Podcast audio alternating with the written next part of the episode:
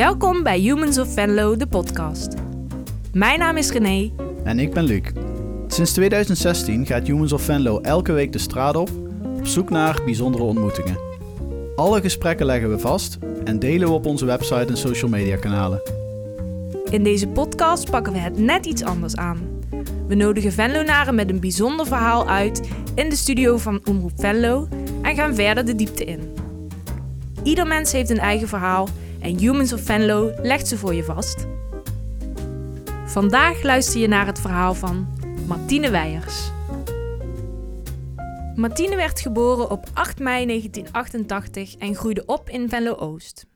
Als jong meisje was ze geen fan van de Spice Girls of de Backstreet Boys, zoals zoveel meisjes in die tijd, maar was ze verknocht aan de muziek van Wolfgang Amadeus Mozart. Toen ze als zevenjarig meisje de film Amadeus zag, ging ze op pianoles en vioolles. Twee instrumenten omdat Mozart ook piano en viool speelde. Toen Martine tien was, ging ze naar de Young Talent Class op het Conservatorium van Tilburg om daar viool te studeren.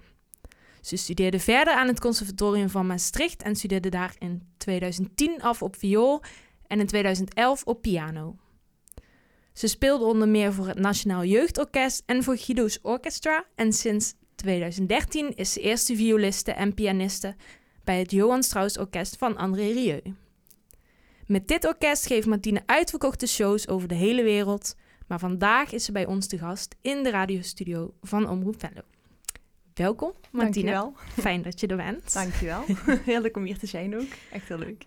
Als meisje fan van Mozart. Ja. Hoe dan? Nou, dat was is een heel grappig verhaal. Het was uh, tweede kerstdag. En uh, ik zat met mijn ouders zat ik op de bank, hadden de, de, televisie aan. En op een gegeven moment zonden ze Amadeus uit, die film die over Mozart gaat.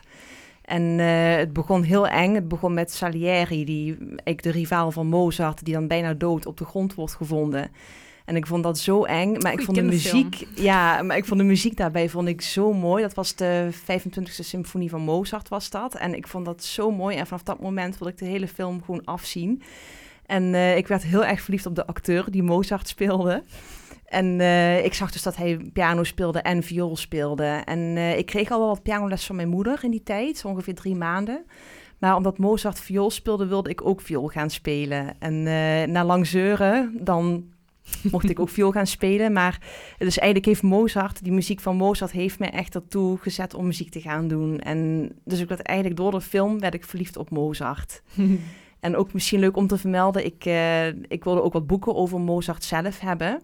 Dus die, keek, die heb ik dan ook gekregen. En die, ik vond zijn schilderijen vond ik zo mooi. Dus ik werd ook verliefd op Mozart zelf. En daardoor ook dus die muziek. Ja, dus dat is En eigenlijk... is, die liefde, is die liefde nog voorbij gegaan ooit? Ja. Jawel, dus liefde voor hem zelf wel, maar voor de muziek is niet. Nee, nee. Oké. Ik ben inmiddels wel op iemand anders gevallen. iemand die nog leeft. Hey, en ehm, je bent al vrij jong uh, in, in zo'n voorbereidende klas voor het conservatorium terechtkomen. Dus je had ook echt talent als jong meisje. Hm. Uh, hoe kwam je daarachter dat je, uh, dat je ja, ontzettend goed was? Ja, dat, in die ik, muziek. Ik, dat, uh, ik had dat besef zelf toen nog niet. Ik was een jaar of tien en uh, wij, ik kreeg toen een privéles hier in uh, Venlo. En op een gegeven moment toen zijn we naar het conservatorium van Arnhem gegaan om daar gewoon eens voor te spelen. Bij een uh, viooldocent was dat. En, uh, en hij zei zelf dus dat ik meer dan bovengemiddeld talent had. En, maar ze hadden daar toen nog geen jong talentklas. En toen zei hij, in Tilburg is er een jong talentklas. En ga daar eens proberen, speel daar eens voor. Maar ik heb daar dus zelf niet echt, ik was me daar niet bewust van dat ik uh, meer talent had. Of het was meer echt via mijn ouders dan gegaan die dan voor mij geprobeerd hebben. Want ik had wel heel veel, ik wilde steeds oefenen en ik wilde gewoon echt mijn best doen. Dus ik had wel die drive om veel te spelen. Mm-hmm. En noem Maar- eens, noem eens zo'n zo'n jong, eh, vormend moment dat je voor het eerst dacht van... Oei, ik, ik speel de rest hier er een beetje uit. Goh, dat is heel, dat heb ik eigenlijk nooit echt gehad, dat gevoel. Dat is heel raar. Ik, ehm, ik heb dat wel misschien gehad bijvoorbeeld op, bijvoorbeeld op de school, op de basisschool. Dat ik natuurlijk de enige was die een muziekinstrument speelde of beter dan de rest. Dus dat- op dat moment misschien wel. Maar ik had nooit echt eh, in de jong talentklas het gevoel... Ja, ik heb dat nooit echt gehad eigenlijk. Ja, want jij vertelt, ik kreeg toen al drie maanden les van mijn moeder, hoorde ik je net zeggen. Ja, ja, ja. dat, mijn moeder deed dat niet. Eh, Dus nee, nee. bij jullie zat het toch ook wel op een bepaalde manier in de wel, familie? het zat ook wel erin. Ja, de familie van mijn moeder. Dus mijn moeder komt uit Tsjechië. En haar, ik, haar eh, oma en de hele familie, alle tantes, die hadden een salonorkest. En dat salonorkest wat, werd dan opgericht door haar, haar oma. En dat was het eerste damesorkest. Dus zij hadden wel heel veel, heel veel muziek in zich. Het eerste damesorkest van, Van, Tsjechië. Ja, van Tsjechië. wat ja, dus dat is heel bijzonder. Ja. En mijn oma was dan, of de, sorry, de oma van mijn moeder was daar dirigente van. En eh ze was heel bijzonder, dus het zat wel erin. En mijn moeder wilde gewoon ook mijn, mijn broer en mijn eh, zus gewoon wat pianoles geven, gewoon om het een beetje te leren. Maar ik oefende wel altijd heel, heel ijverig en heel... En dat viel dan mijn moeder wel op, dat, dat ik dat dan wel heel graag deed. Dus, eh, Dus jij was in je gezin de meest fanatieke. ja, dat wel. Ja. Ja. Ja, En ik wilde dat gewoon heel graag. Dus uh, Als ik gelijk even een moeilijke vraag erin mag gooien. ja, zeker. Ehm, heb je daar later nog veel over nagedacht? Over welk deel van mijn vioolkunst is aanleg en welk deel is, is, is doorzettingsvermogen? Ja, daar heb ik zeker heel veel over nagedacht. Want het is wel, eh, ja, hoe ver kom je, hoe ver kom je door talent of hoe ver kom je door echt veel te oefenen. Maar eh, ik heb wel ontdekt wat mijn grens ongeveer is, wat ik wel en wat ik niet kan. Na, ik, ook naar, naar de conservatoriumstudies en zo. Dus ik weet wel, door heel hard te werken kom je zeker ergens. Maar ik weet ook, je hebt ook een bepaalde grens met talent, wat je wel en wat je niet kunt.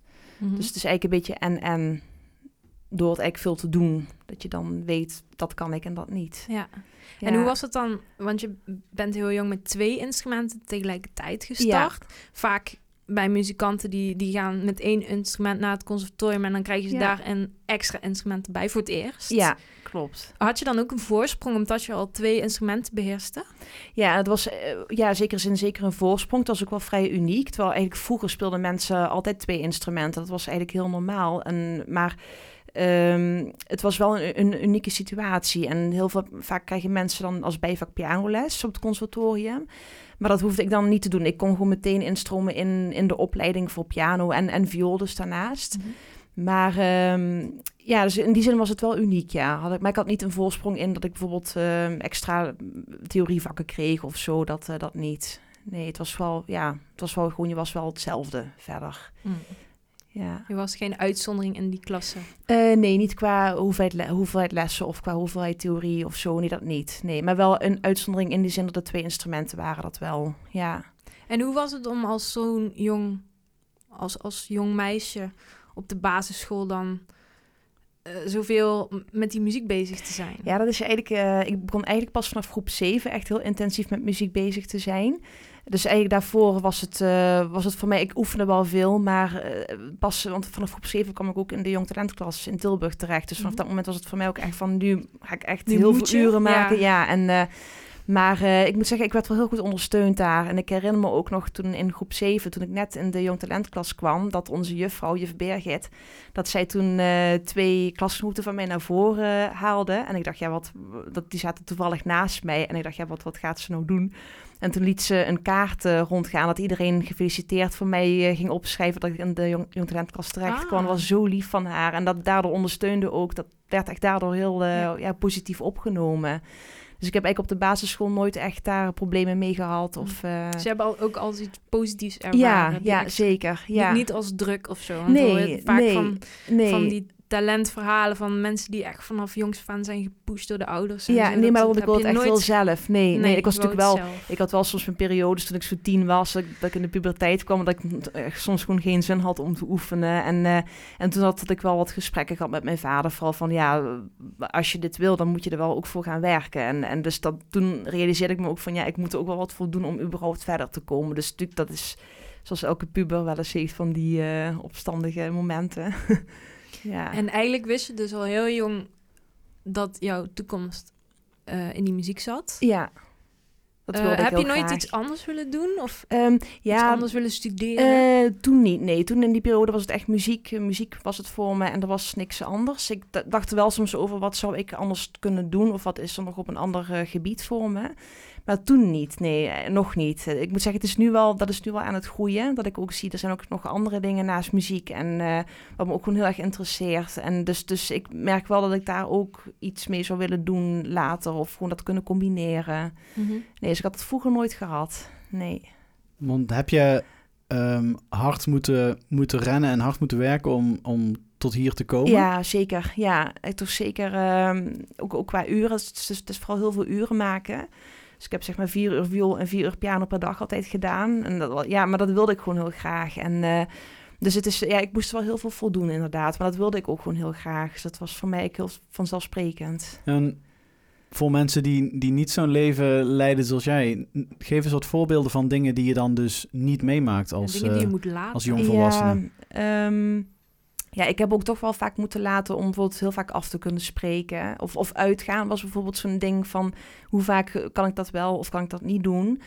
Maar wat ik wel op het conservatorium heel erg heb gezien, was dat mensen daar ook gewoon lol maakten en plezier maakten. En, maar ik moet zeggen, ik zie dat eigenlijk nu pas, nu ik in het orkest ben, eigenlijk nog meer. Natuurlijk, de mensen hebben allemaal een baan, maar daar wordt nog meer echt ook gewoon genoten van het leven. Dus, dus ehm, ik vind het ook wel echt lastig om, om mezelf daarmee te vergelijken met, met ook studenten. Want zij lieten zichzelf soms ook gewoon gaan en kwamen alsnog ook gewoon heel ver. Dus het is ook een beetje wat leg je jezelf dan op. En eh, ik was soms ook echt te strikt voor mezelf dat ik, dat ik het zonde vond als ik één uur met iets anders bezig was. Dus, eh, of ook koken deed ik heel snel bijvoorbeeld, want ik vond dat zonde van de tijd. Dus ik was, ik was echt toen heel, eh, heel erg strikt voor mezelf. Ja, een beetje Hmm. te...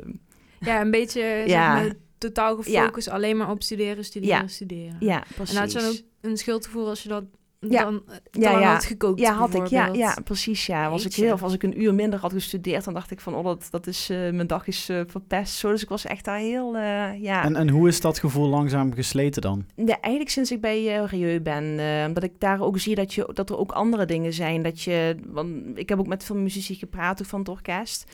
En het ligt er ook een beetje aan hoe effectief zijn de uren die je steekt in het studeren. En ik had eigenlijk achteraf gezien, had ik ook gewoon bijvoorbeeld eh, twee uur viool en twee uur piano kunnen studeren. Want dat was veel effectiever geweest. Want het, ja, ik deed, het ging mij vooral puur ook om dat ik die uren vol maakte.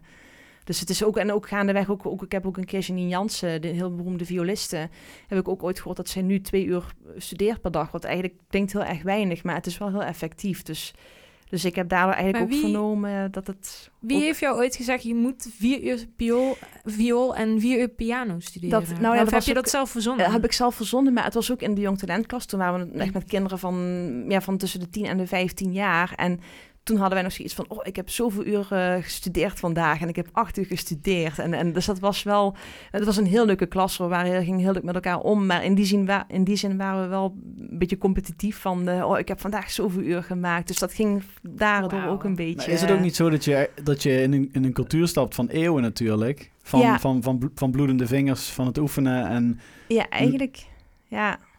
Eigenlijk wel, ja. Want dat, dat, maar dat is ook, je hebt ook het idee dat je een sport beoefent. Dat je dus ook inderdaad heel veel uren moet maken om zo ver te komen, wat ook in zekere zin zo is.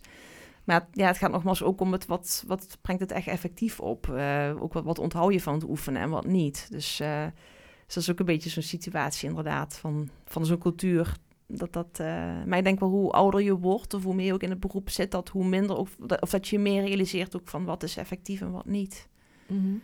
En hoe, eh, jij hebt uiteindelijk ook van die muziek je werk kunnen maken. Ja, Ehm, dat is best wel bijzonder, want er zijn een Ja. heleboel conservatoriumstudenten eh, waarbij dat niet lukt. klopt. Hoeveel van die mensen uit jouw Young Talent klas zijn nou ook beroepsmuzikant? Eigenlijk niemand. eh, nee, nee, dat is heel... eh, ik, heb, ik heb nog contact met ze. Ja, ik heb wel contact met ze, maar velen hebben ook heel erg last van de oren gekregen, waardoor ze gewoon niet, niet meer kunnen spelen. Dus er is bijvoorbeeld ook een heel, eh, heel goede violiste bij ons eh, in de Jong Talentklas geweest, die echt speelde fantastisch viool, maar die heeft dus eh, ook tinnitus gekregen en die, mag, die kan gewoon niet meer spelen nou. Dus dat is heel... En je, waar krijg je dan tinnitus van? Ja, dat kan echt aan de viool liggen. De viool ligt, zit eigenlijk aan één kant, zit die heel dicht bij je oor. En Mhm. als je daar echt uren op maakt, en dan kan dat echt voor je oor heel slecht zijn. Want de viool is eigenlijk een heel hard instrument. Dus, eh, dus daar, dat kan vooral daardoor komen. En, is dat echt eh, een violistenkwaaltje? ja, maar ook, ook van eh, ook blazers hebben daar ook wel veel last van. Mhm. Want die hebben ook een heel hard instrument. En, maar ik vooral, ja, een pianist hebben dat ook wel eens. Dus het is eigenlijk niet echt instrumentgebonden, maar het is echt, ehm, ja, als je zoveel uren met een instrument zit, is het ook net pech hebben of je daar, of je oren daar tegen kunnen of niet. Hmm. Dus dat is heel, eh, ja, dus ook eigenlijk om deze redenen zijn ook veel mensen, of eigenlijk de meeste die kennen niet, eh, niet in de muziek. Niet, eh, dus doen het wel, wel ehm, heel veel daarnaast. Mhm. Bijvoorbeeld ook een andere vriendin van mij, Die, geeft, dat- die werkt gewoon, die werkt, die heeft een baan, maar die doet daarnaast nog heel veel optreden. Dus dat is, dat is ook heel erg mooi als je dat zo kunt doen, denk Ja. ik. Ja. Oké.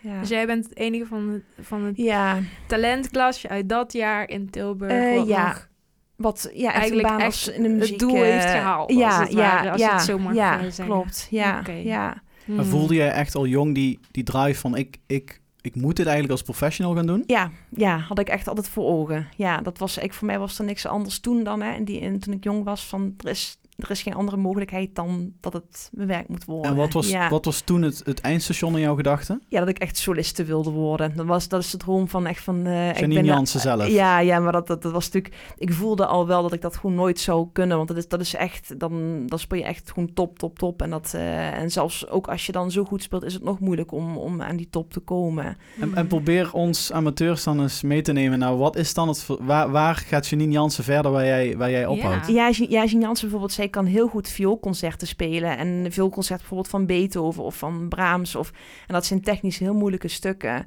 Maar als je de viool technisch zo goed beheerst... en ook dus ook echt ook een zekere gave hebt... om die techniek te combineren met muzikaliteit... Dan, en dat is, dat is iets wat je echt moet kunnen. En dat is, dat is een stukje wat ik gewoon nooit heb, echt heb gekund. Dat, dat, eh, dat heeft dus ook echt heel erg met het technisch niveau te maken van het stuk. En, en kun jij op een, eh, op, een, op een zomerdag een kwartiertje lang... Kun je dat dan een keer? Of kun je, kun je, Ja. kan zij iets wat jij helemaal niet kan?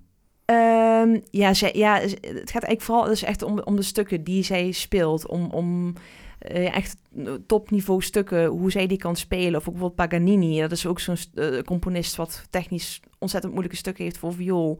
En dat kan ik gewoon niet. eh, ik heb het al geprobeerd, maar dat, dat zit niet in me om dat te spelen. Het is eh, nee, nee, dat. eh, dus, dus in die zin, Dus ook een combinatie dus van gehoor, ja, aanleg, ja. uren. Ja, en, en inderdaad, en ook met die uren, dat, want, want je vroeg ook net van, ehm, ja, hoe, in hoeverre is het, hoeveel uren je erin steekt, maar in hoeverre is het ook talent, wat je dan, wat je dan merkt, waardoor je goed bent of niet. Maar eh, ja, je kunt ook wel heel veel uren erin steken, maar wat ik dus ook heb gedaan, maar op een gegeven moment dan, als je gewoon je limiet, je limiet hebt bereikt, dan, ja, dan weet je gewoon wat je wel, wat je niet kunt. En dus ja, het, het is vooral ook, ook een gave, toch wel. eh, Maar dat lijkt me ook een hele belangrijke eigenschap. Dat je kunt inschatten wat wel en wat niet. Ja, zeker. Dat je ook realistisch blijft. Ja, want dat is, er zijn zoveel verschillende manieren van muziek maken. Het is niet enkel, want dat had ik dus ook heel erg lang voor ogen, dat je enkel ehm, die stukken moet spelen en anders ben je geen muzikus. Maar er zijn zoveel vormen van muziek maken. Dus ook improviseren. Of dat je ook lichte muziek heel mooi kunt spelen of minder technisch minder moeilijke stukken, dat je die ook heel mooi kunt spelen. Dus, er Mhm. is, dus ik heb ook ontdekt dat er zijn zoveel vormen van muziek maken. En als je je instrument op een mooi, op een goed niveau beheerst, dan kun je ook de bijvoorbeeld technisch minder moeilijke stukken, die kun je dan wel heel mooi gaan spelen. En dat is ook echt een kunst. Ja. Nou, dan eh, zullen we dan eens langzamerhand de... Want we moeten het over andere Rieu hebben natuurlijk, hè? ja. Want dat is, dat is niet zomaar klassieke muziek. maar, Nee, nee. ehm, op, op welke manier eh word jij door die muziek eh, nog, nog zelf technisch uitgedaagd?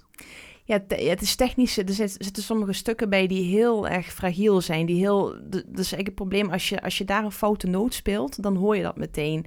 En het is eigenlijk een beetje te vergelijken met Mozarts muziek. Mozarts muziek is technisch misschien niet heel erg moeilijk, maar het is wel juist doordat het zo dunnetjes is. En als je ook maar één ding fout speelt, dan hoor je dat meteen. En dus je techniek moet wel heel goed zijn om die stukken goed te spelen. En er is bijvoorbeeld ook als voorbeeld, er is één stuk wat we nou spelen met een eh, fluitist van ons orkest. Hij speelt dat eh, stuk op de panfluit. Mhm. En daar begint de piano-intro, begint dan met een, eh, met een riedel. En dat zijn eigenlijk heel weinig noten. Maar dat is, is net voor de moeilijkste, voor de, eigenlijk voor de zwakste vingers van je hand. Dus je vingers moeten echt heel goed getraind zijn, technisch, om dat mooi te spelen. Dus ja, en, en in die zin, dus ik blijf dat ook steeds oefenen, ook dat stuk. En ook voor de viool zitten er ook heel veel lastige maten bij, bij, bij heel veel verschillende stukken die je gewoon, die moet je gewoon goed kunnen spelen. Dus dat is, dat is niet dat alle stukken heel moeilijk zijn, maar er zitten gewoon heel veel rottige maten tussen, of rotte, rotte maten tussen. En, en, en dan begint het natuurlijk eigenlijk pas, want eh, behalve de technische beheersing moet je nog Ja. een heleboel dingen kunnen. Ja, je, ja, je moet. eh, het gaat eigenlijk voor- voornamelijk om echt muziek maken. Eh, zeker als ik dan piano speel, dan ik moet eigenlijk op André spelen, want ik hoor hem op de monitor en hij bepaalt de tempo ook altijd, ofwel door te dirigeren ofwel door zelf viool te spelen. Eh, ook al zingt er een solist nog mede, hij, hij bepaalt het tempo. Maar je moet ook samen kunnen spelen met de andere mensen. Dus ook met de bassen en met het slagwerk, eigenlijk de hartslagen van het orkest. Dus daar moet je ook toch steeds mee blijven communiceren. Want soms is de akoestiek heel zwaar of heel lastig in de zaal. En dan, dan hoort bijvoorbeeld het slagwerk iets anders dan wat ik hoor. Dus dan moet je wel met elkaar blijven communiceren. En dan komt nog erbij dat je, dat je ook dat alles muzikaal moet spelen. Dat, dat eh, ook nog. En je moet ritmisch zijn en je moet eigenlijk constant alert zijn. En, en met de viool komt er dan bij, je bent in een groep. Dus je moet ook qua zuiverheid, moet je het liefst zoveel mogelijk zuiver of hetzelfde spelen als je mede-collega's. En daar moet je ook gewoon erg opletten van wat gebeurt er om me heen. En dus het is echt een constant zo'n wisselwerking van eh, niet enkel technisch goed spelen, maar ook samenspelen. Ik wil e- heel even terug met jou naar het begin van André Rieu, 2013. Ja, ja klopt. Hoe ben je daar terechtgekomen? Dat is gegaan via Frank Steins, via de Bijaardier van Maastricht. En Mhm. eh, Beert en Heerlen, daar is hij Bijaardier. En eh, ik speelde al wel eens met hem samen, dus piano en carillon. En eh, op een gegeven moment vertelde hij mij dat de pianiste dat zij eh, zwanger is. En dat André op zoek is naar iemand die viool en piano kan spelen. Die haar dan kan vervangen als zij met zwangerschapsverlof is. En Want zij speelt ook zowel viool zij speelt ook, als... ja, ook- maar zij speelt eigenlijk in het orkest nu alleen piano. Zij is Mhm. echt, echt, echt nou de vaste pianiste. En, eh, maar in ieder geval dat als zij dan, want zij ging daarna, was ze van plan om part-time te gaan werken. Dus dat er iemand voor haar was die dan haar kan vervangen als zij ziek zou zijn Mhm. of als ze weg zou zijn.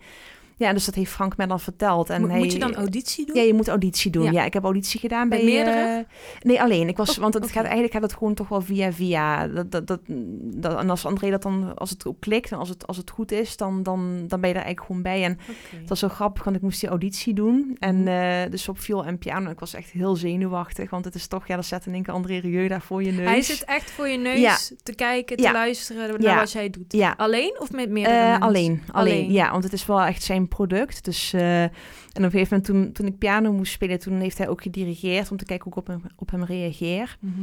Ja, en dan heb ik dat dan gedaan. En daarna toen vroeg hij, eh, ja, we gaan in september gaan we naar Mexico en naar Australië. Kun je dan mee? Zo, dus, dus toen dacht ik van, oké, volgens mij ben ik dan aangenomen. Zo heel, eh, het ging ook echt heel snel. Het ging echt binnen tien minuten was het weer, dus dat wel. Maar Ja? het was zo spannend. Ja, echt. En hoe ging dat dan? Toen je, had je hem al eerder ontmoet voor nee, die auditie? nooit. Nog nee, nooit? nee, nee, was echt, toen kwam hij dus binnen. Ja, dan, eh, Was je, was je wel man. zelf eens naar een optreden geweest? Eh, nee, daarna was ik naar het Vrijthof geweest. Maar ik, ik heb hem wel op televisie gezien, dat wel. Maar ik was nooit live naar een concert geweest. En wel was ik naar, wel eens naar een soundcheck geweest. Of dat ik dat dan op de ver, in de verte had gehoord op, Ja. op het Vrijthof. Oh, en Maar dan nooit naar dacht je, een ik hoor wat, ga even kijken naar Ja, eh, de ja. soundcheck. Maar, ja, maar nooit echt zo naar een concert. Nee, nee dat eh, was, echt, was echt allemaal heel nieuw. Dus stond je in één keer in een ruimte, in een, of in een Ja, zaal? in de met- studio, in, zijn studio. studio. Oh, ja, hij in heeft zijn eigen studio in. Maastricht. Ja. en daar moest ik dan voor spelen. Maar het was heel, ja, heel, echt heel spannend. En hij is dus ook een grote man. Hij, eh, ja, stond hij in één keer voor je neus. Komt wel even iemand binnen. Ja, ja, ja, ja, ja. ja. Ja, ik heb ooit een keer een vriend van mij uit de buurt van Los Angeles, die had ik op bezoek. Ja. En ehm, ik ging hem ophalen op Schiphol en we, trap, we stapten samen de tram in. En we stapten vervolgens ook weer uit. En ehm, op- toen zagen we de Abri op een bushokje, een poster van André Rieu. ja. En dat was zijn eerste, zijn eerste reactie was, hey, that's, that's, that's André Rieu. Echt waar? En toen, kwam ik, toen dacht ik echt van, die, man is is niet alleen, bekend. alleen Nee. heel erg bekend, eh, maar dat is echt na eh, Maradona en de paus eh, al heel Ja, snel echt, echt een ontzettend beroemd mens. Ja, het is ongelooflijk. Over de hele wereld. Over de hele wereld, ja. Dus ook in Australië en in Mexico en in Engeland. Ook ja, echt overal. En wat me ook heel erg opvalt is dat bij concerten zitten- er vaak mensen die uit een land komen waar we nog nooit geweest zijn. En dan vragen ze ook allemaal van, uh, come to, eh, ja, vorig jaar was het dan Portugal, waar we Ja. toevallig dit jaar zijn geweest. Mhm. Dus eh, overal is hij gewenst en eh, dat is echt ongelooflijk. Ja, grappig. Andere, Maar hij vroeg dus na die of tijdens die auditie al, ga je mee naar Mexico? En Ja. toen dacht je, ja, nou, Ja, dat dacht ik binnen. van, nou, ja, ja, Ja. ja. Dus dat was, dus, maar dat was zo grappig dat hij dat zo, dat hij vroeg of ik mee Ja. kon gaan. Ja, heel, eh, ja, zo heel, eh, kun je dan mee? ja, dus wat dacht heel, je? ja, ik, ik dacht van, wow, ja, het is dus, ik, ik kan dus meegaan. En, maar het was wel heel spannend, want het was, dat, dat was het eigenlijk nog niet. Want het was pas echt heel spannend toen ik de eerste keer moest spelen. En dat was in Mexico, was dat piano. En ja, ik had Maar het allemaal... eerst repeteren, neem ik aan. Met, ja, één met- keer. Maar, Eén keer? Ja, En ja. toen meteen op het podium. Ja, met ja. het hele, met Ja. de hele... Jeetje. Ja, dat was echt... eh, Voor hoeveel duizend mensen? Dat was toen voor 10.000 mensen. ja, dat was echt. eh, dat was ook heel grappig, want wij eh we hebben dan wat stukken gerepeteerd bij die ene repetitie.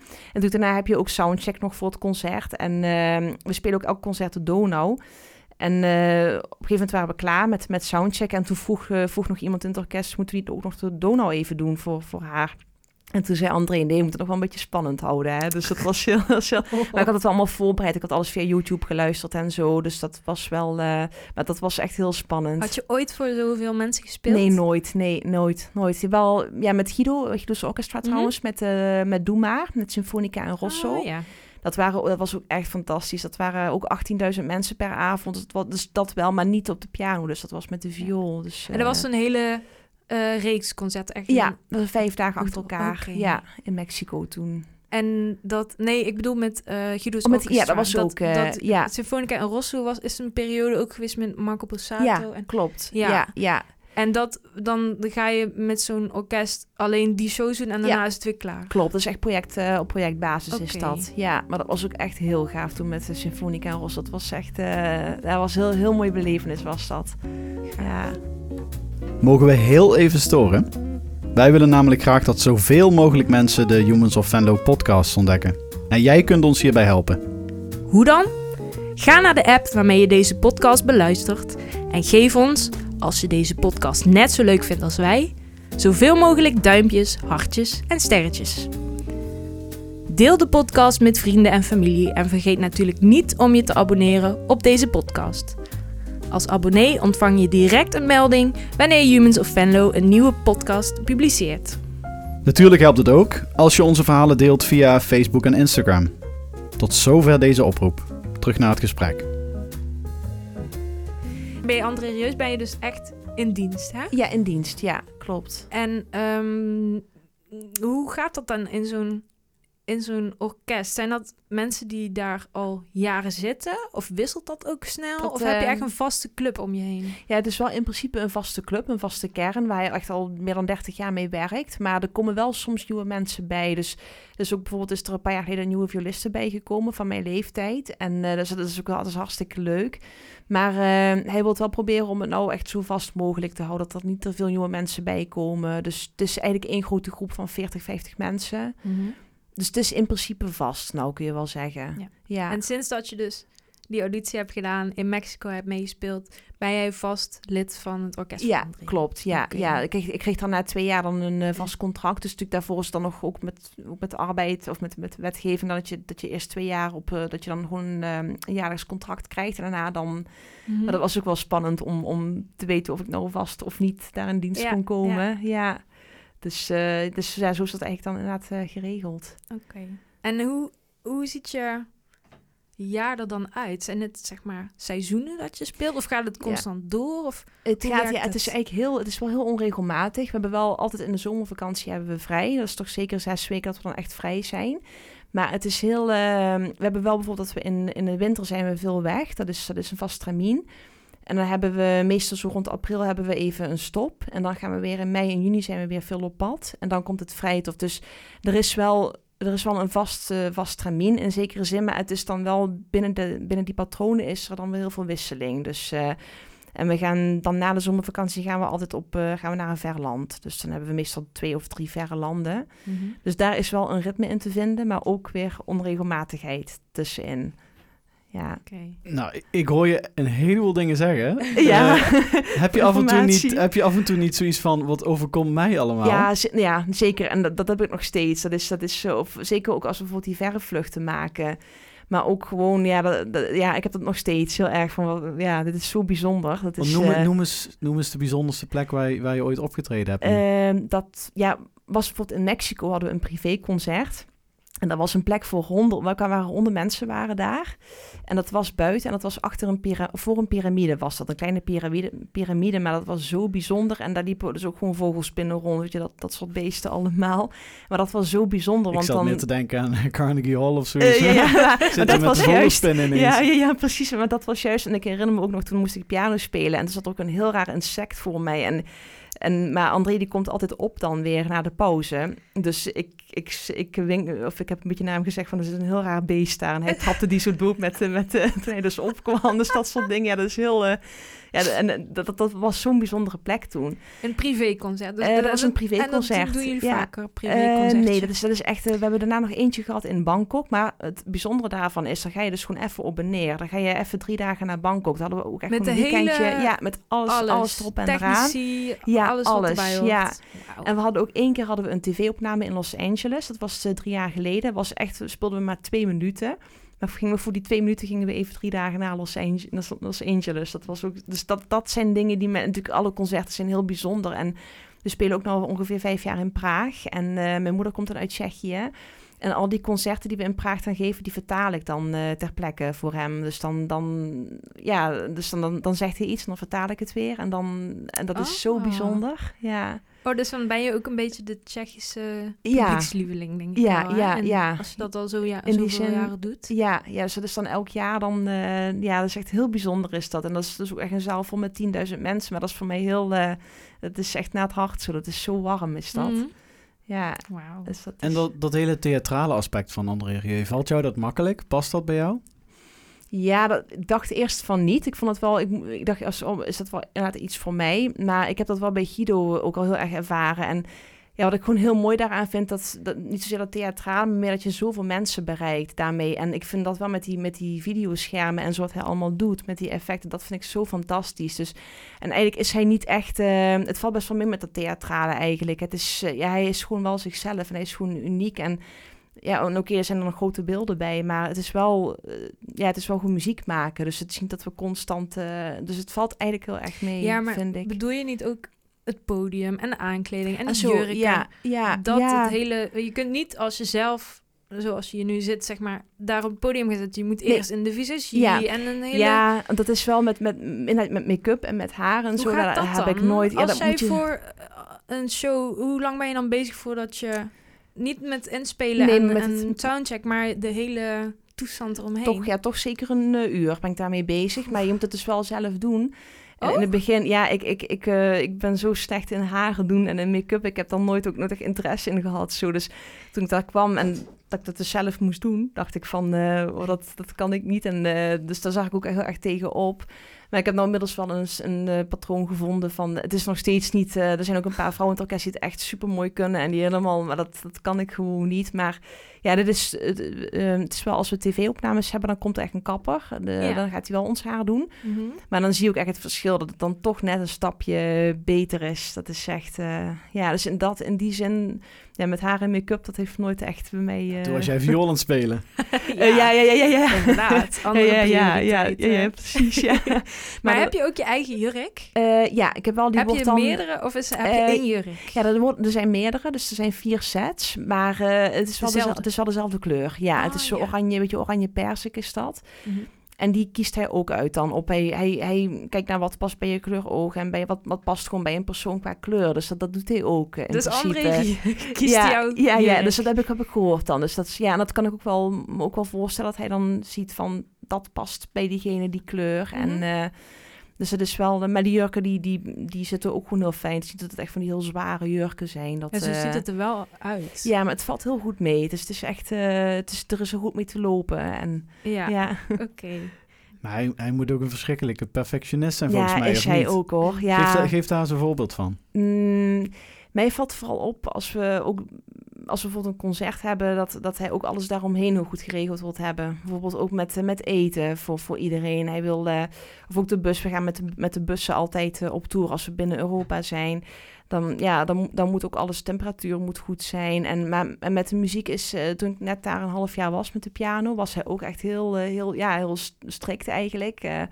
Meer qua tempo bijvoorbeeld. Maar hij, ik moet wel zeggen, nu met de muziek, dan laat hij je ook los dan. Want hij weet dat je gewoon je best doet. Dat je, dat je, hij weet wat er van hem verwacht wordt. Mhm.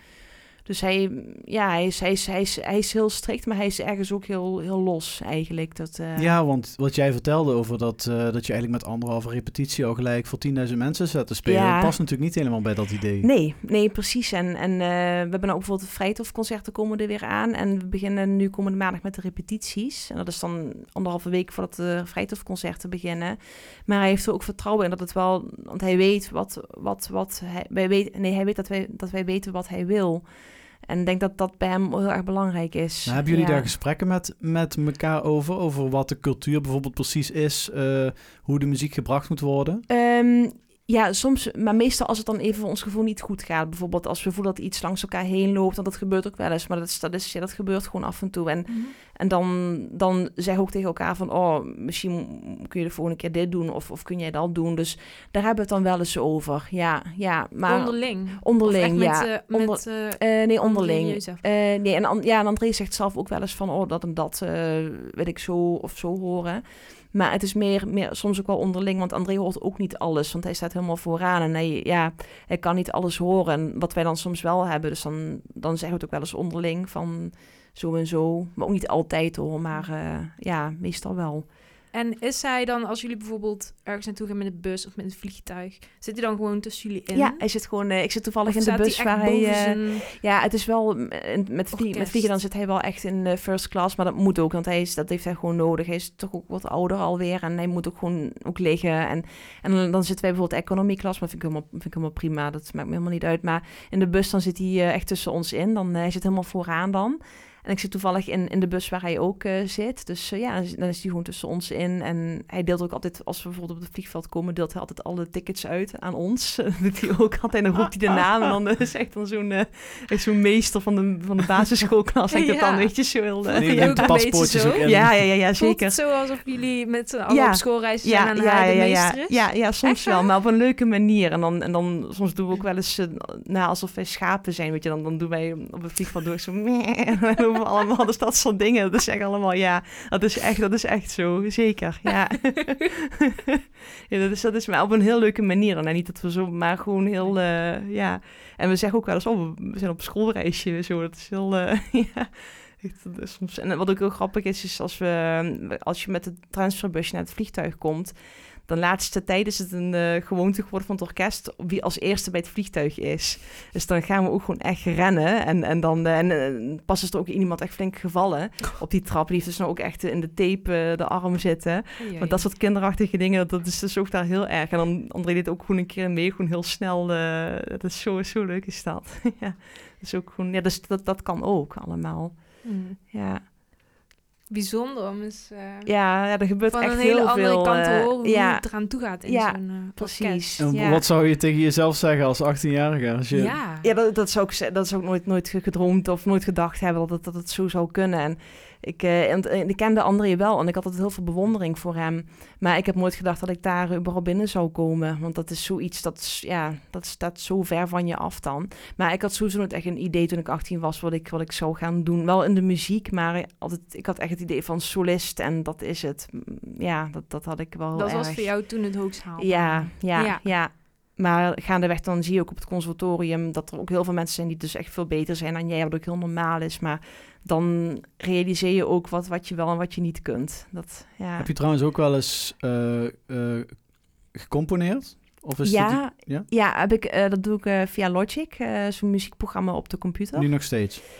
Ja, ja, heel soms. Maar Als ik, tijd eh, als ik tijd heb, ja, maar dat is meer, ehm, dat is eigenlijk een heel ander genre muziek. Dat is eigenlijk een meer, ehm, ik wil niet zeggen trance, maar wel ehm, echt met een beat, maar dan met klassieke instrumenten. Dus het is heel apart. Dat, dat, dat doe ik wel af en toe. Ah.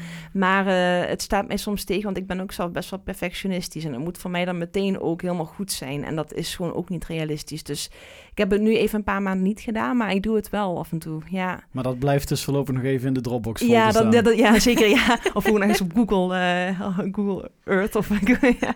Nee, maar, dat, dat, maar ik merk wel, ik vind ook met Logic werken, ik vind het wel heel erg leuk om te doen. Gewoon een beetje dat studiowerk en zo.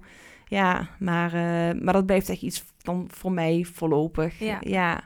Wat vind je het mooiste eh, stuk om te spelen op dit moment? Bij, bij zelf? Ja. Ehm, ja, wat, we hebben heel lang de Bolero gespeeld van Ravel. Dat vond ik echt fantastisch. Dat vind ik zo'n mooi stuk. Dat, dat heb ik altijd met heel veel plezier gespeeld. En nu spelen we voor de pauze spelen we een stuk dat heet In Weissen Russell. En dat is echt een operettestuk. Dat is, eh, dat is zo mooi. Dat is, dat is echt in de walsfeer is dat. En dat is zo'n muzikaal mooi stuk. Dus dat speel ik heel erg graag. Mhm. En eh, moet ik even goed nadenken, want we spelen zoveel stukken. Ja. En even goed nadenken, ehm, ja, wat we ook bij de toegifte bijvoorbeeld spelen, dus dat is, echt, dat is meer grappig, maar dat heet uh, Tutti Frutti heet dat, dat bekende stuk. En dan gaat onze pianist, die kan ook heel goed tapdansen. En dan gaat ze op de vleugel staan en dan gaat ze tapdansen bij dat stuk. En dat is, dat is zo gaaf. Dat, is, dat spelen we nu al drie jaar, maar dat blijft elke keer weer heel, heel bijzonder. Ja. Ja, En zo, buiten het orkest, Ja, heb ik je, ben- je studeert natuurlijk ook de andere Ja. stukken om je techniek en zo Ja, eh, op klopt. peil te houden, als ik zo mag zeggen. Ja, Maar wat, wat oefen je dan? Wat doe je dan Ja, thuis, het- zeg maar, op, ja. je, op je slaapkamer? Ja, nou het liefste waar mijn hart wel echt ligt. Ik speel heel graag eh, Simeon ten Holt. Dat is eh, een Nederlandse componist en hij schreef Canto Ostinato. En dat is een stuk voor, in principe voor vier piano's. En dat is minimal music. En dat speel ik zo graag, dat luister ik ook heel erg graag. En dat is gewoon echt, als, als ik dat speel, dan ben ik helemaal in een, echt in een trance. En dus dat, ja, dat oefen ik nu niet zozeer. Als ik oefen, dan doe, ik- doe ik echt toonladders en oefeningen. Gewoon, dat zijn geen mooie stukken, maar Mhm. dat zijn echt van die, maar dat helpt wel. Maar ik speel ook heel graag die stukken die ik met Frank Steins ga samenspelen. Ook over twee weken in Venlo. We hebben dat concert in de Martinuskerk. Mhm. En dan spelen we bijvoorbeeld stukken van eh, pianist Jeroen van Veen. Dat is eh, een heel bekende vertolker van Simeon ten Holt. Die ook zijn eigen stukken heeft geschreven. Dat is ook gewoon heel mooie muziek. Dat is... eh, hij ligt heel goed in het gehoor. Het is heel, heel toegankelijk. En, eh, en Mozart blijf ik ook heel erg graag spelen. Maar dan echt gewoon voor mezelf. Want Mozart is, dat heb ik dus nu ontdekt, gewoon heel moeilijk. Dat is, en zeker als je, als je dat voor moet spelen en je bent zenuwachtig, dan is Mozart echt een ramp. Want dat is zo fragiel en zo... Dan hoor je echt alles. Oh, ja, je had Ja. het net al over Carillon Ja, concert. ja. Wat ehm, doe je nog meer naast Rieu? Ja, dus voornamelijk eigenlijk die concerten inderdaad met, met Carillon, met Frank Mhm. Steins, met de Bijaardier. En eh, dat, zijn, dat zijn een paar concerten per jaar, meestal zo rond de zomer. En eh, dan, dan zit je dus echt helemaal boven in de toren van een kerk. Dus Mhm. nu in Venlo dan en eh, in Maastricht in de Sint-Servaas-basiliek op 6 juli. En eigenlijk zou ik daar wel graag meer mee willen doen met, die, met dat carillon. Dat is, dat is sowieso Frank Steins, die wil dat carillon echt naar buiten brengen. Dat, dat mensen het ook echt toegankelijk gaan vinden. En eigenlijk zou ik met hem wel graag wat meer projecten willen opstellen. Gewoon om dat echt naar de mensen toe eh, meer te brengen. We gaan bijvoorbeeld ook wat Venloze liedjes spelen. Ja. Gewoon dat een beetje, eh, dat het echt, dat mensen het ook mooi gaan vinden. En ook op die manier ook onbekende muziek een beetje brengen naar de mensen toe. En dan zit je boven in die toren. Ja, Wat hoop je dan dat beneden gebeurt? dat, eh, dat niet, dat ik val, maar eh, nee, dat, maar dat, ja, dat, dat weet je dus helemaal niet wat er Nee. beneden gebeurt. Maar wat ik wel gewoon hoop, wat ik leuk vind, is dat als mensen bijvoorbeeld even stilstaan, even luisteren of ge- gegrepen worden door een bepaalde muziekstuk. Want dat vind ik heel erg mooi. En we hebben ook ooit een keer hebben we met eh hebben we Canto Ostinato uitgevoerd op vier piano's en carillon. En dat waren twee concerten en dat was ook zo bijzonder, want, want mensen horen dat, dat stuk. En natuurlijk sommige mensen kunnen het heel irritant vinden, maar sommige mensen kunnen het ook heel mooi vinden. En als je juist mensen daarmee raakt die dat nog helemaal niet kennen, dat, is, dat vind ik echt het mooiste. En denk, denk je daar vaak na, over na, over de kracht van muziek? Ja. Zo'n, het is ontzettend clichématig iets, maar het is natuurlijk Ja. wel iets wat super erg bestaat. Ja, Is precies. dat ook ja, waarom je het uiteindelijk doet? Ja, dat, dat is het zeker. En ik moet wel zeggen, ik, eh, als ik het luister, dan heb ik echt zo'n gevoel van... oh, dat, dat zou ik eens willen spelen. Of dat, dan, dan zie ik mezelf dat al helemaal ook uitvoeren, weet je. Dus dat, ik, ik, ik merk wel, als ik het luister, dan ben ik nog meer in een trance... dan als ik het zelf speel. Want als ik het zelf speel, dan je moet toch ook een bepaalde concentratie hebben. En dan ben je toch heel erg bezig met van, doe ik het goed en doe ik het... eh, het is toch, ik merk dat het soms dat het toch anders is als je speelt dan als je luistert. Mhm. Ja. Wat voor dromen heb jij? Ja, god, dat is een, eh, wat voor een droom ik heb. Ja, ik, heb. ik zou heel graag met Frank Steins, ik zou heel graag bepaalde muziekstukken dichter bij het publiek willen brengen. En ik zou gewoon graag mensen willen laten genieten van minder bekende stukken. En ik, ik merk met Frank, zou dat, met Frank Steins zou dat heel goed gaan kunnen lukken met het carillon. Dat zou ik heel erg graag... eh, ja, ik had, vroeger had ik als droom om echt met mijn eigen muziek, om met Logic, om daar echt optredens mee te verzorgen. En, en, eh, maar ik merk gewoon dat dat niet echt het is niet heel realistisch, want er, is- er zijn zoveel mensen die dat, die dat kunnen en die dat, die dat doen. Of die dat, ja, dus, dus dat, dat is wel mijn droom om wel iets dichter bij de mensen te komen. Ja, je vat het figuurlijk op. Ik bedoelde letterlijk. Droom je ook van op een... Oh, zo. Ja, sta, ja, je, sta je in jouw droom ook op het podium? Ja, heel soms. Ja, ja, ik droom ook wel eens nog over André Rieu. Ik heb daar nog vannacht over gedroomd. Maar ik droom dan altijd dat ik dan piano moet spelen en mijn bladmuziek niet kan vinden. en dat is, dat is echt, dat is zo'n... eh, of ik droomde ook een keer dat, dat we allemaal stukken speelden die niet op het programma stonden. En ik, ik had niks bij me en ik was, en ik was boos. Want ik dacht van ja, dat had ik toch eerst even moeten zeggen welke stukken we gingen spelen. Dus ik heb, maar dat zijn altijd een beetje van die angstdromen Oh, dan. oké. eh. Ja. Komt die angst van, is het wel eens gebeurd? Nee, dat is gelukkig nooit gebeurd. Maar, maar het is misschien meer ook omdat ik met de piano... dan voel ik toch een soort echt een grote verantwoordelijkheid. En toch die spanning, want ik ben toch altijd wel zenuwachtig als ik piano moet spelen. Maar dat is gewoon wat ik het ook gewoon niet vaak genoeg doe, eh, de piano bij Rieu. Dus dan voor drie maanden even niet. En dan weer in één keer een paar dagen wel. En dan weer drie maanden niet. Dus dat heeft ook daarmee te maken hoor, denk ik. Want wat doe je liever, piano of viool? Ja, liever viool toch. eh, maar dat is gewoon dat je echt in een groep zit dan. En ik merk dat dat gewoon meer mijn ding is, om echt in een groep te zitten.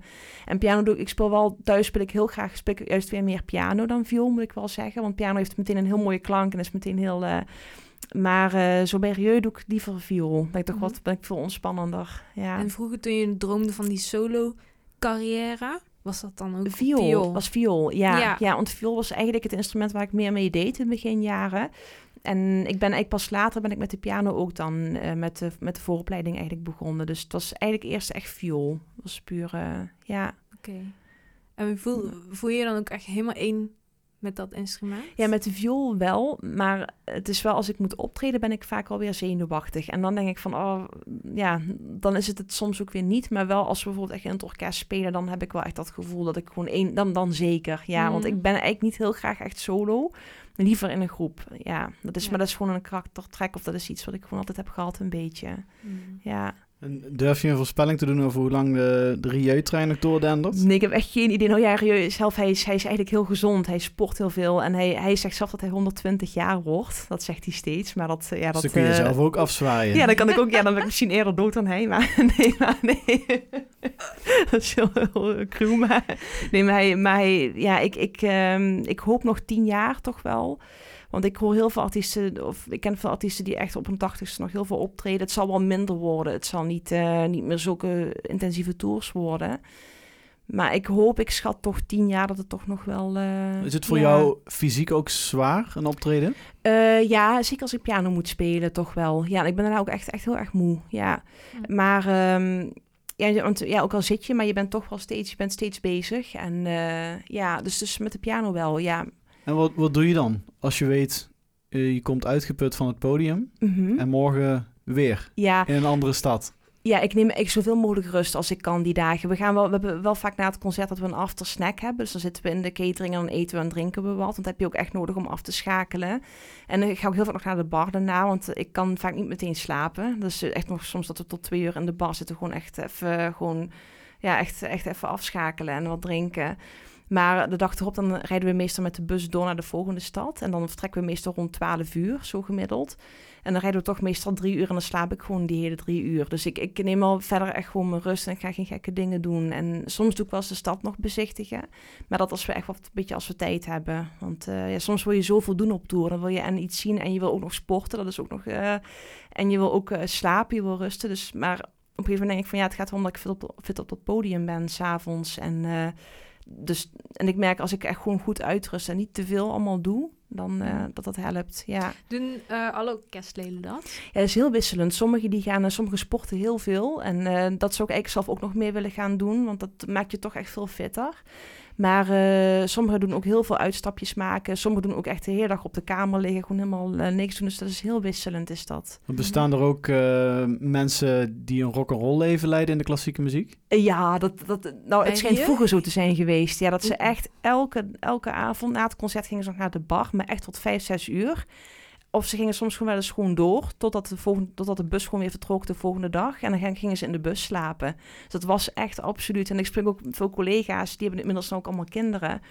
Dus die zeggen ook tegen mij van, ja, vroeger was het echt heel anders. Dan gingen we gewoon echt elke avond uit, nog s'nachts gewoon tot diep in tot vijf, zes uur. Ja, dus dat was zeker. Zeker is dat in de klassieke wereld, ja. Ja, ja dat is echt... eh, op die manier, ja, echt, echt wel. Ja.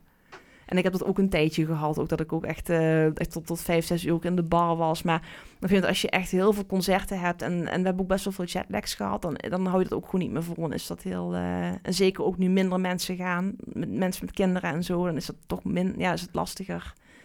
Ja. Maar jij houdt dit, dit hou jij wel tien jaar nog vol? eh, ja, dit ja, leven? zeker. Ja, zeker. Ja, ja, dat zeker. Maar je moet wel, het is wel echt zoeken naar je balans. Dat je ook weer niet te veel allemaal dingen doet. En, eh, Ja, je wordt ouder, dus en je wordt ook ouder. Ja, ja, precies. Maar vooral ook sporten, dat, dat, dat, dat eh, vind ik heel belangrijk. Dat, dat zie ik ook echt om me heen. Dat ik bijna iedereen sport. Hm. Ja. Hey dus ik Martine, hoop, eh, ja. we gaan afronden. Ja. Want, eh, we zijn al best wel eh, lang eh, in gesprek. snel. Dat zie ik. Eh, ik Ja. hoop van harte dat je nog tien jaar bij Rieu mag blijven. Dankjewel. En dat je Ja. daarna iets eh, gaat doen waar je zelf ook helemaal blij van wordt. Ja, en wat bij dankjewel. je past en waarin je je muzikaliteit gewoon nog helemaal kunt Ja. laten opbloeien. Dankjewel. Dat, ja, dat En dan ik, eh, hè. komt de volgende aflevering over tien jaar eh, op het strand van Ja. Oh, Acapulco. ja, ja, ja, ja. Hoe gaat ja, het nu met ja, ik ben Martine? helemaal eh Ja. relaxed. ja. Zonnebril op. En, eh, Nee, hartelijk heel dank erg voor je leuk. verhaal. Ja, dankjewel ook. En eh, dus blijf goed voor jezelf zorgen. Ja, doe ik. En zeker. dan blijven wij eh, met heel veel plezier naar je luisteren. Heel erg leuk, dankjewel. Bedankt ook. Je hebt geluisterd naar Humans of Venlo, de podcast. Deze podcast wordt gemaakt door Humans of Venlo, bestaande uit René Oorbans, Tom Spierenburg en Luc Verhaag. Deze podcast wordt gemaakt in samenwerking met Omroep Venlo. Wij danken Gerard Fokkens voor de technische ondersteuning. Abonneer je op deze podcast via je podcast-app en volg Humans of Venlo op Facebook en Instagram voor portretten van spontane ontmoetingen op straat.